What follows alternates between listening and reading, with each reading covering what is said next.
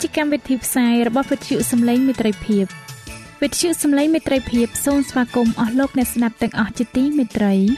នាងខ្ញុំសេកសុចិន្តាវតីហើយខ្ញុំបាទអង្គច័ន្ទវិជ្ជៈក៏សូមស្វាគមន៍លោកអ្នកស្ដាប់ទាំងអស់ផងដែរនៅពេលនេះយើងខ្ញុំមានសេចក្តីសុំមនស្សរីករាយដោយបានវិលមកជួបអស់លោកអ្នកនាងកញ្ញាអ្នកស្ដាប់សាជាថ្មីម្ដងទៀត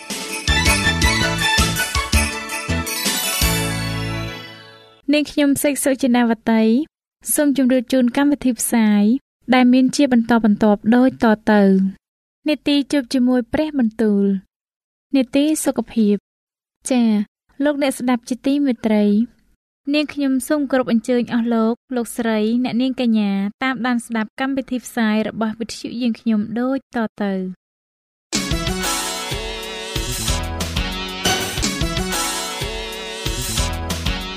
នេតិជួបជាមួយព្រះបន្ទូល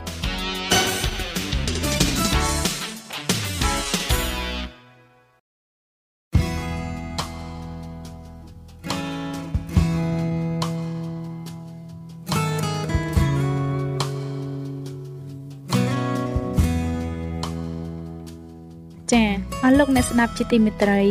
ជាដំបូងនាងខ្ញុំសូមអញ្ជើញលោកអ្នកនាងស្ដាប់នេតិជួបជាមួយព្រះបន្ទូល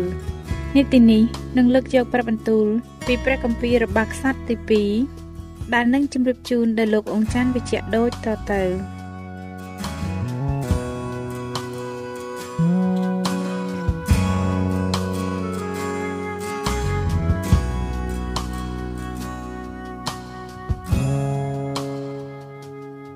ព្រះគម្ពីររបស់ខ្សត្រទី2ចំពោះទី17ដូចយូសាផាត ជាព្រះរាជបុត្រាឡើងសោយរាជជំនួសព្រះបិតាទ្រង់ក៏ចម្រើនកម្លាំងឡើងទាស់នឹងពួកអ៊ីស្រាអែលទ្រង់ដែលឲ្យមានពលទ័ពក្នុងគ្រប់ទាំងក្រុង មានមន្ទីររបស់ពួកយូដាហើយក៏ដែលឲ្យមានក្រុមរក្សានៅស្រុកយូដានិងក្នុងទីក្រុងទាំងប៉ុន្មានរបស់ពួកអេប្រាអឹមជាទីក្រុងដែលអេសាព្រះបិតាទ្រង់ចាប់យកបានដែរព្រះយេហូវ៉ាទ្រង់ក៏គង់នៅជាមួយនឹងយូសាផាត ពីព្រោះស្ដេចបានប្រព្រឹត្តតាមអស់ទាំងផ្លូវដើមរបស់ដាវីតជាអាយកោទ្រង់ឥតរកតាមព្រះបាលឡើយគឺបានស្វែងរកតាមព្រះនៃពួកអាយកោទ្រង់ហើយប្រព្រឹត្តតាមបញ្ញត្តិទ្រង់វិញឥតធ្វើតាមអំពើរបស់សាសអ៊ីស្រាអែលឡើយហេតុនោះបានជាព្រះយេហូវ៉ាទ្រង់តាំងរាជឲ្យមាំមួនក្នុងអំណាចយូសាផាតហើយពួកយូដាទាំងអស់គ្នាក៏នាំយកគ្រឿងបណ្ដាការមកថ្វាយស្ដេចទ្រង់មានព្រះរាជទ្រព្យ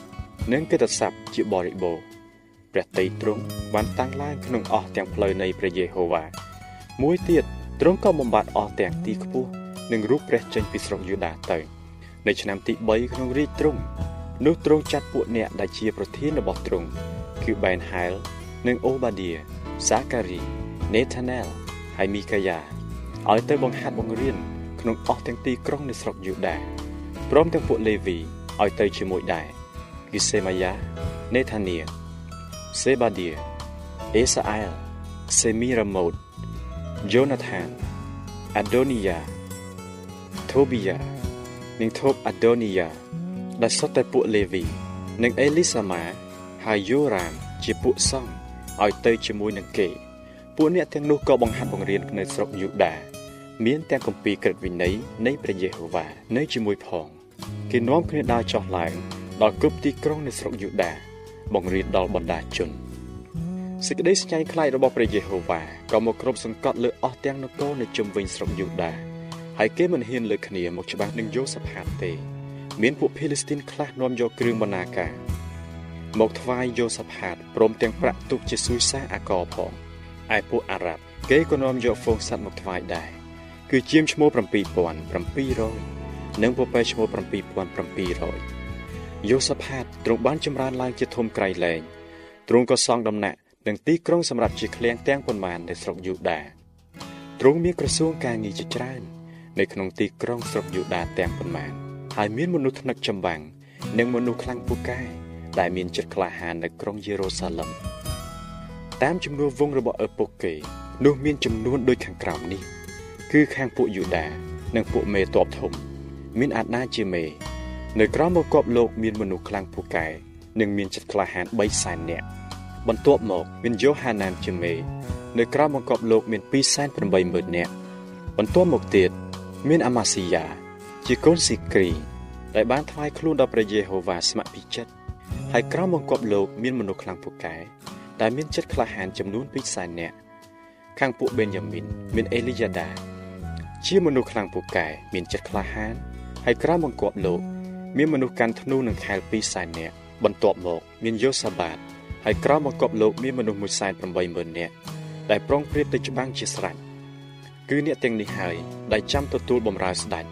ពួកទាំងនេះក៏លើសពីពួកដែលស្ដេចបានដាក់ឲ្យនៅអស់ទាំងទីក្រុង មានបន្ទាយពេញក្នុងអាណាខេត្តយូដាព្រះគម្ពីររបាខ្សត្រទី2ចំពោះទី18រីឯយូសាផាតទ្រង់មានទ្រព្យសម្បត្តិ និងកិត្តិយសជាបរិបូរណ៍រួចទ្រង់ក៏ភ្ជាប់ពន្ធនឹងអាហាប់លុះក្រោយមកពី3ឆ្នាំនោះទ្រង់យាងទៅឯអាហាប់នៅក្រុងសាម៉ារីឯអាហាប់ក៏សម្លាប់ជាមនឹងគោជាបរិបូរណ៍ជប់លៀងទ្រង់នឹងពួកអ្នកដែលតាមទ្រង់ទៅផងក៏បបួលទ្រង់ឲ្យឡើងទៅច្បាំងនឹងក្រុងរ៉ាម៉ូតកាឡាតអាហាប់ជាស្ដេចអ៊ីស្រាអែលទ្រង់ទូលនឹងស្ដេចយូសាផាត ជាស្ដេចយូដាថាតើទ្រង់ចង់ទៅឯក្រុងរ៉ាម៉ូតកាឡាតជាមួយនឹងទូលបង្គំឬទេ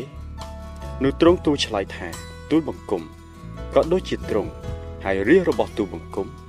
ក៏ដូចជារាជរបស់ទ្រង់ដែរយើងរាល់គ្នានឹងនៅជាមួយនឹងទ្រង់ក្នុងចម្បាំងនេះ តែយូសាផាតទូលដល់ស្ដេចអ៊ីស្រាអែលថាសូមទ្រង់ទូលសួរព្រះបន្ទូលនៃព្រះយេហូវ៉ាជាមុនសិន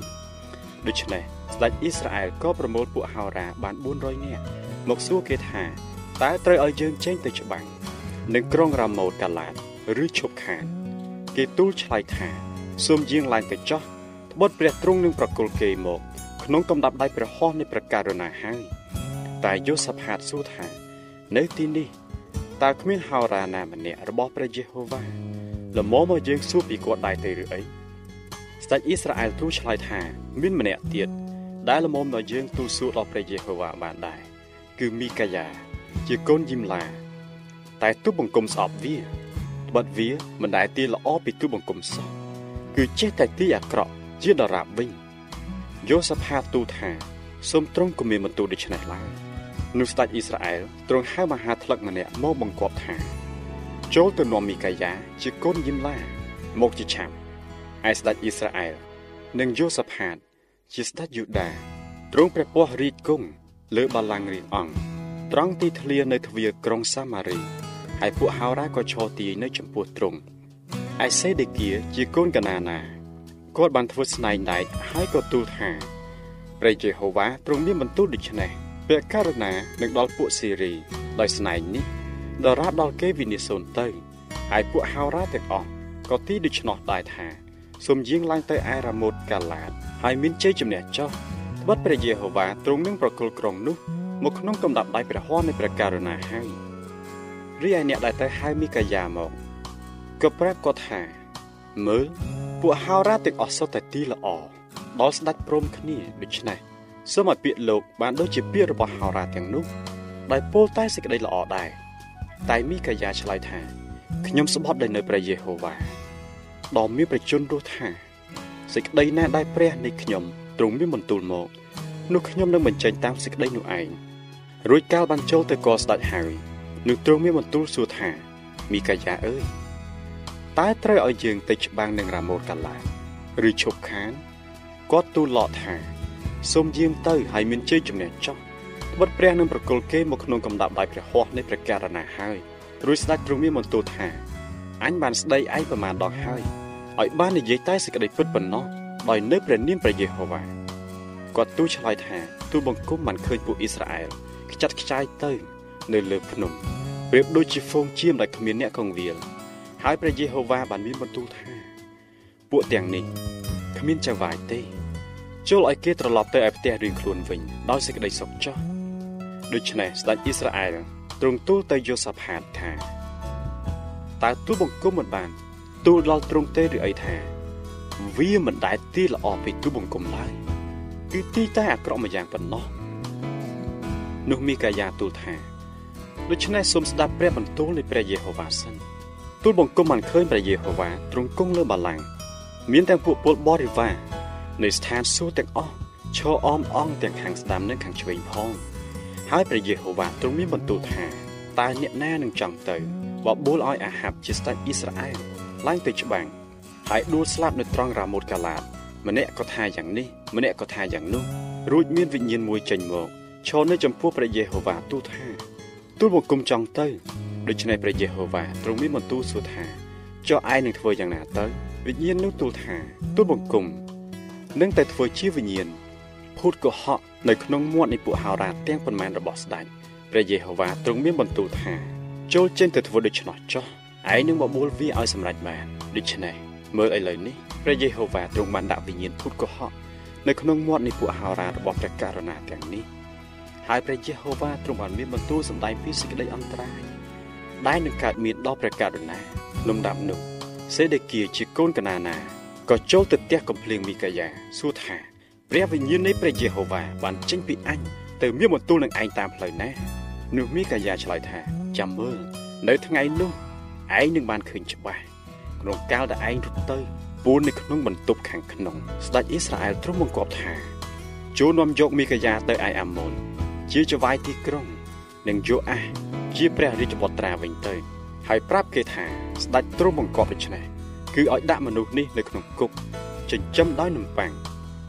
និងទឹកដ៏វេទនាទាល់តែដល់វេលាអញមកវិញដោយសុខសាន្តមីកាយ៉ាទូលថាបើសិនណាជាទ្រង់យាងមកវិញដោយសុខសាន្តពិតនោះគឺព្រះយេហូវ៉ាមិនបានមានបន្ទូលដោយសារទូបង្គំទេរួចគាត់ថែមពាក្យនេះថា ឲ្យជនទាំងឡាយអើយចូលស្ដាប់ចោះដូច្នេះស្ដេចអ៊ីស្រាអែលនិងយូសាផាតជាស្ដេចយូដាក៏ឡើងទៅឯក្រុងរ៉ាម៉ូតកាឡានឯស្ដេចអ៊ីស្រាអែលទ្រង់ទូលទៅយូសាផាតថាទូលបង្គំនឹងខ្លែងខ្លួនចូលទៅច្បាំងតែព្រះអង្គសូមឲ្យព្រះករណាទ្រង់គ្រឿងព្រះពស្ត្ររាជរបស់ទ្រង់វិញស្ដេចអ៊ីស្រាអែលក៏ខ្លែងខ្លួនចូលទៅច្បាំងនឹងគេរីឯខាងស្ដេចសេរីបានមកគប់ដល់ពួកមេតបរទេះចម្បាំងទ្រង់ថា កុំឲ្យតនឹងអ្នកណាទោះតូចឬធំក្តីចូលតតែនឹងស្ដេចអ៊ីស្រាអែលមួយប៉ុណ្ណោះដូច្នេះកាលពួកមេតបទាំងនោះបានឃើញយូសាផាតគេក៏នឹកថានេះជាស្ដេចអ៊ីស្រាអែលហើយគេក៏បែរទៅបំរុងតនឹងទ្រង់តែយូសាផាតទ្រង់ស្រែកឡើងហើយព្រះយេហូវ៉ាក៏ប្រោះជួយបណ្ដាលឲ្យគេថយចេញពីទ្រង់ទៅ កាលពួកមេតបឃើញថាមិនមែនជាស្ដេចអ៊ីស្រាអែលទេ នោះក៏លែងតាមតទៅ តែ មានមនុស្សម្នាក់យឺធ្នូបាញ់ព្រាលទៅ ត្រូវស្ដេចអ៊ីស្រាអែលត្រង់ប្រឡោះអាវក្រោះនៃទ្រង់ដូច្នេះទ្រង់មានបន្ទូលបង្គាប់ដល់អ្នកបបព្រះរាជរត់ទ្រង់ថាចូលញាក់បង្ហៀត្រឡប់រត់នាំយើងចេញពីពលតបទៅត្បិតយើងមានរបួសជាទម្ងន់នៅថ្ងៃនោះចម្បាំងក៏កាន់តែខ្លាំងឡើងប៉ុន្តែស្ដេចអ៊ីស្រាអែលទ្រង់ផ្អែកអង្គនៅក្នុងព្រះរាជរថទ្រង់តស៊ូនឹងពួកសេរីដល់រាបដល់ល្ងាចលុះដល់ពេលប្រហែលជាថ្ងៃលិចនោះទ្រង់ក៏សុគតទៅ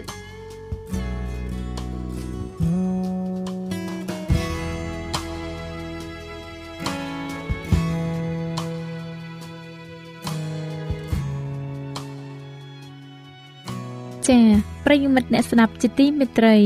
ដោយពេលវេលាមានកំណត់ យើងខ្ញុំសូមផ្អាកនាទីជប់ជាមួយព្រឹបបន្ទូលនេះត្រឹមតែប៉ុណ្ណេះសិនចុះដោយសន្យាថានឹងលើកយកនីតិនេះមកជម្រាបជូនជាបន្តទៀតនៅថ្ងៃស្អែកសូមអរគុណ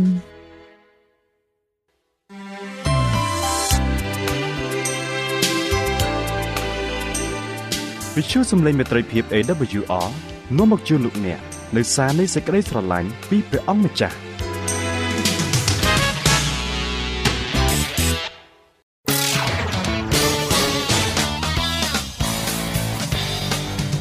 សូមជូននីតិសុខភាព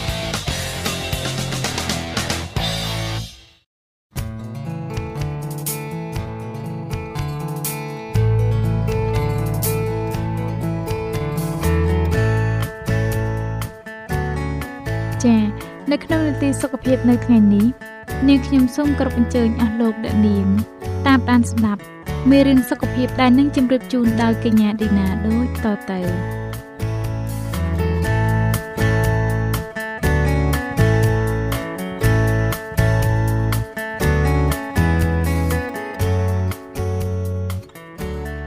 ចា៎នេះខ្ញុំសូមជម្រាបសួរអស់លោកអ្នកស្ដាប់ជាទីមេត្រីសូមឲ្យលោកអ្នកបានប្រកបដោយប្រពោនិងប្រគុណតាមរយៈមេរៀនសុខភាពនេះនេះខ្ញុំមានអំណរណាស់ដែលបានវិលមកជួបលោកអ្នកសាជាថ្មីម្ដងទៀតដោយពំនាំនៅមេរៀនដដែលតពីសប្ដាហ៍មុនចា៎ដើម្បីកុំឲ្យខាត់ពេលយូរនាងខ្ញុំសូមលើកយកនៅភាគទី4ជាភាគបញ្ចប់ដែលមានចំណងជើងថារបៀបយកឈ្នះលើភាពសោកសៅមកជម្រាបជូនលោកអ្នកជាបន្តទៅទៀតដូចតទៅនេះ ចាវិបត្តិអាចផ្លាស់ប្ដូរលោកអ្នកបានដែរឬមួយយ៉ាងណាមនុស្សយើងជារឿយៗបានកែប្រែតែជាមនុស្សល្អប្រសើរឡើងបន្ទាប់ពីឆ្លងកាត់នៅការបាត់បង់ឬទុក្ខលំបាកណាមួយត្រូវបានគេពិនិត្យរកឃើញថាមានដុំកោសិកា3ក្នុងក្រពះរបស់នាង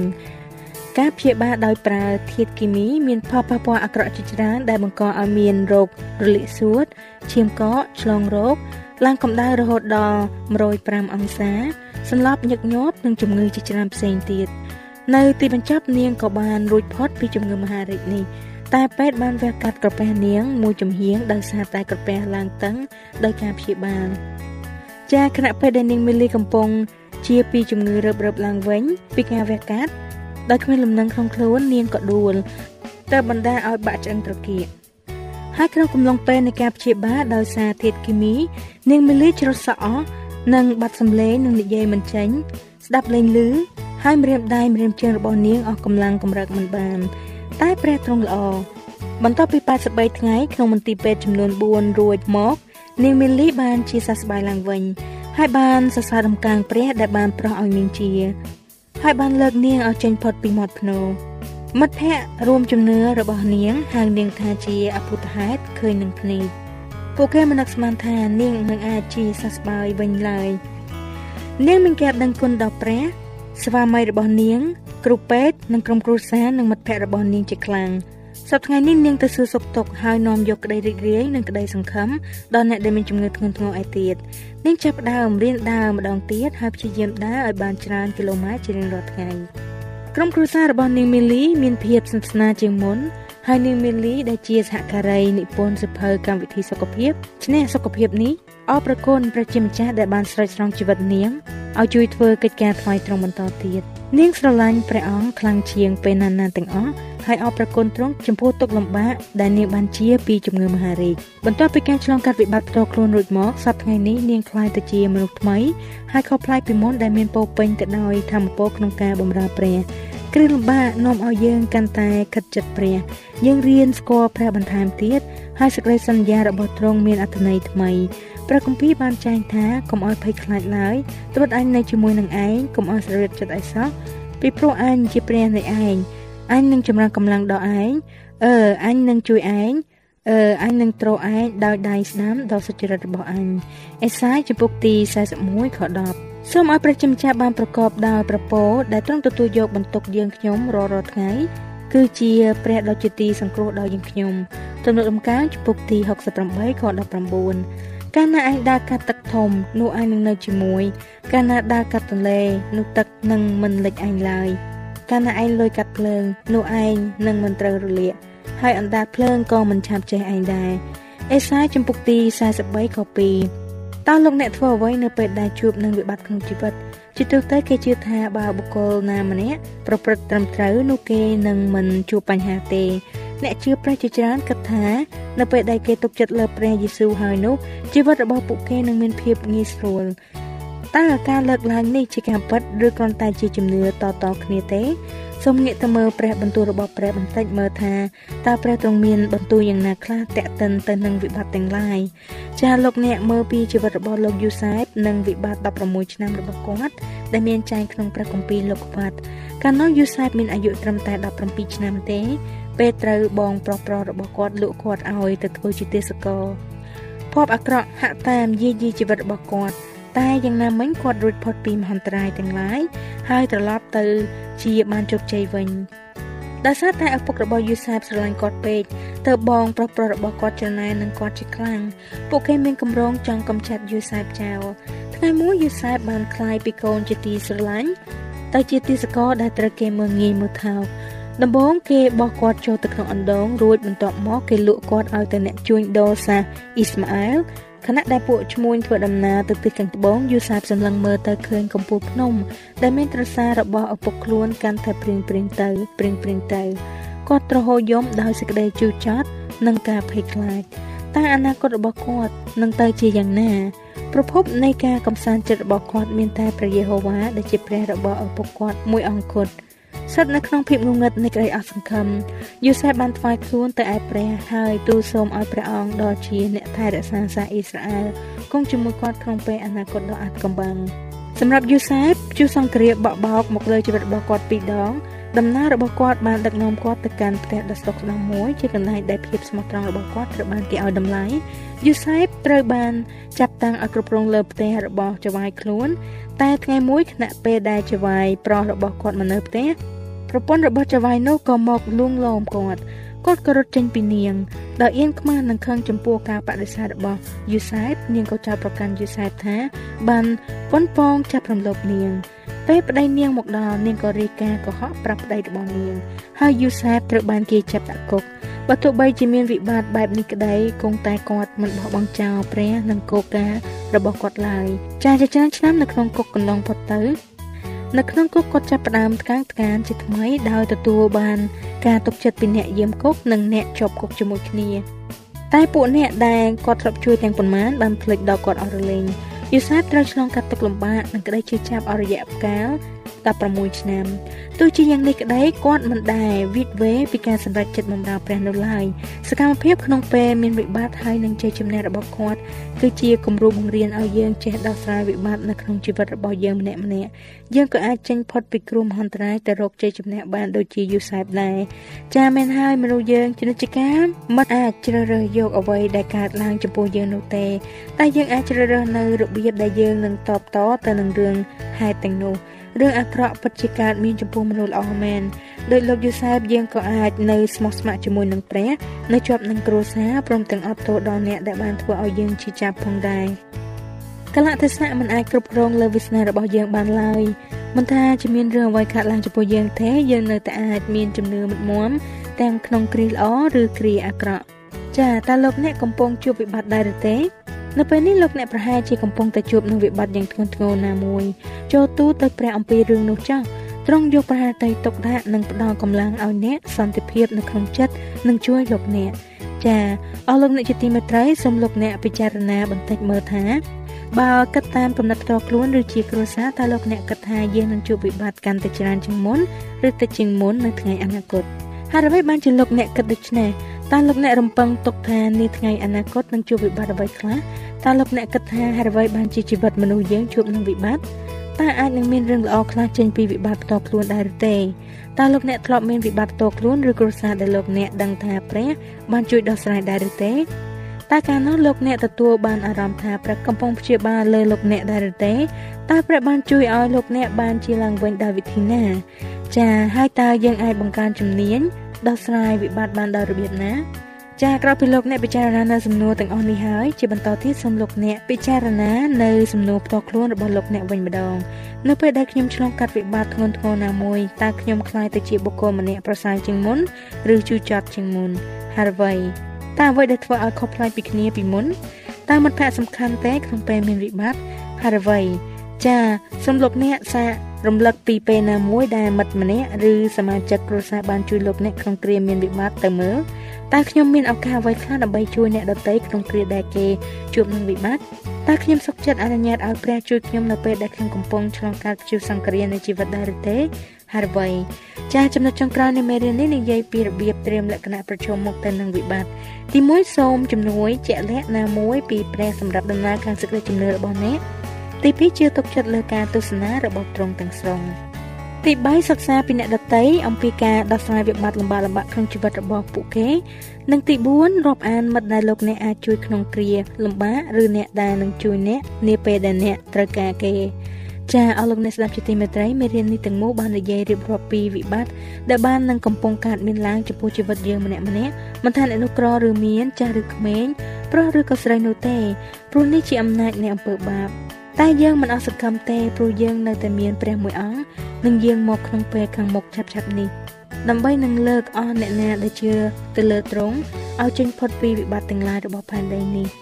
សូមលោកអ្នកផ្ញើជីវិតរបស់លោកអ្នកនិងក្រុមគ្រួសាររបស់លោកអ្នកទៅក្នុងព្រះគ្រីស្ទទាំងស្រុងចោះទ្រង់មិនដែលធ្វើឲ្យយើងខកចិត្តឡើយត្បិតឯព្រះហស្ថរបស់ទ្រង់ជាកន្លែងដែលមានសុវត្ថិភាពបំផុតព្រោះថាផែនដីនេះ កាន់តែអាក្រក់ទៅអាក្រក់ទៅហើយគ្មានថ្ងៃណាដែលផែនដីនេះនឹងបានប្រសើរឡើងវិញឡើយចាព្រះយេស៊ូវបានសន្យាថាតែអ្នកណាដែលកាន់ខ្ជាប់ដរាបដល់ចុងបំផុតវិញអ្នកនោះនឹងបានសង្គ្រោះម៉ាថាយជំពូកទី24ខ13ក្រោយពីទ្រង់សង្គ្រោះយើងរួចហើយតើទ្រង់នឹងធ្វើអ្វីទៀតសម្រាប់យើងទៅចាសូមលោកអ្នកបានស្ដាប់ពីសេចក្តីសន្យាដ៏ធំមួយទៀតរបស់ទ្រង់ជាសេចក្តីសន្យាដែលលោកអ្នកនិងខ្ញុំចង់បានជាងគេដែលថាព្រះទ្រង់នឹងជួតអស់ទាំងទឹកភ្នែក ពេលភ្នែកគេចេញនឹងគ្មានសេចក្តីស្លាប់ឬសេចក្តីសោកសង្រេងឬសេចក្តីយំទួញឬទុក្ខលំបាកណាទៀតឡើយត្បិតសេចក្តីមុនទាំងប៉ុន្មានបានកន្លងបាត់ទៅហើយវិវរណៈចំពុកទី21ខ4ចាអរអ្នកស្ដាប់ជាទីមេត្រីពេលវេលានៃនាទីសុខភាពរបស់យើងបានមកដល់ទីបញ្ចប់ហើយ មេរៀនដែលនិយាយអំពីរបៀបដោះស្រាយវិបត្តិក៏សន្មតថាចាប់ដោយបរិបូរដែរ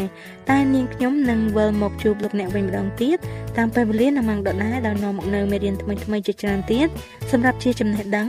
ក្នុងការជួយដល់លោកអ្នកនៅពេលត្រូវការចាដូច្នេះសូមឲ្យព្រះជាម្ចាស់ប្រទានពរដល់លោកអ្នកបងប្អូនទាំងអស់គ្នាសម្រាប់ពេលនេះនាងខ្ញុំឌីណាសូមអរគុណសូមជម្រាបលា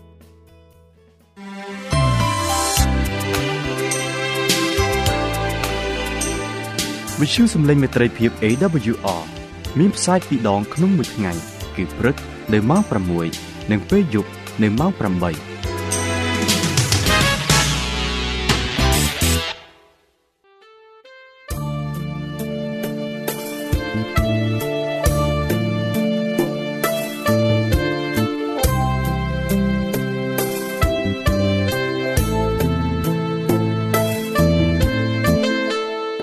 សិនជាលោកអ្នកមានសំណួរ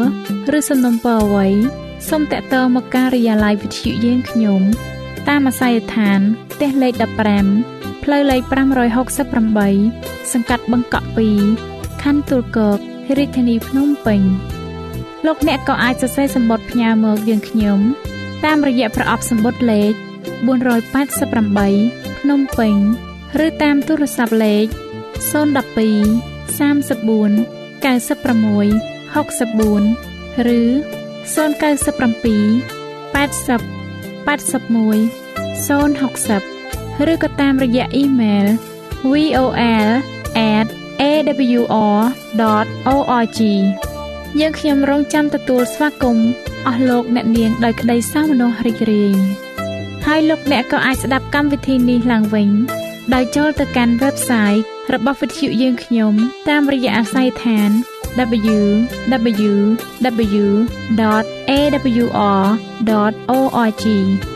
លោកអ្នកនាងកញ្ញាជាទីមេត្រីកម្មវិធីផ្សាយរបស់វិទ្យុសំឡេងមេត្រីភាពនៅពេលនេះសូមបញ្ចប់តែប៉ុណ្ណេះយើងខ្ញុំសូមអរគុណចំពោះការតាមដានស្ដាប់របស់អស់លោកអ្នកតាំងពីដើមរហូតដល់ចប់យើងខ្ញុំសូមជូនពរឲ្យអស់លោកអ្នកនាងកញ្ញាទាំងអស់ បានចម្រើនឡើងក្នុងប្រគុណព្រះអង្គម្ចាស់ហើយក្នុងការទទួលយកព្រះយេស៊ូវគ្រីស្ទជាព្រះអង្គម្ចាស់និងជាព្រះអង្គសង្គ្រោះនៃយើងរាល់គ្នានាទីផ្សាយរបស់វិទ្យុយើងខ្ញុំនឹងវិលមកជួបអស់លោកអ្នកសាជាថ្មីម្ដងទៀតនៅថ្ងៃស្អែកវេលាម៉ោងដដែលនាងខ្ញុំសេកសុចិន្តាវតីនិងខ្ញុំបាទអ៊ំច័ន្ទវិជ្ជៈសូមអរគុណសូមជម្រាបលា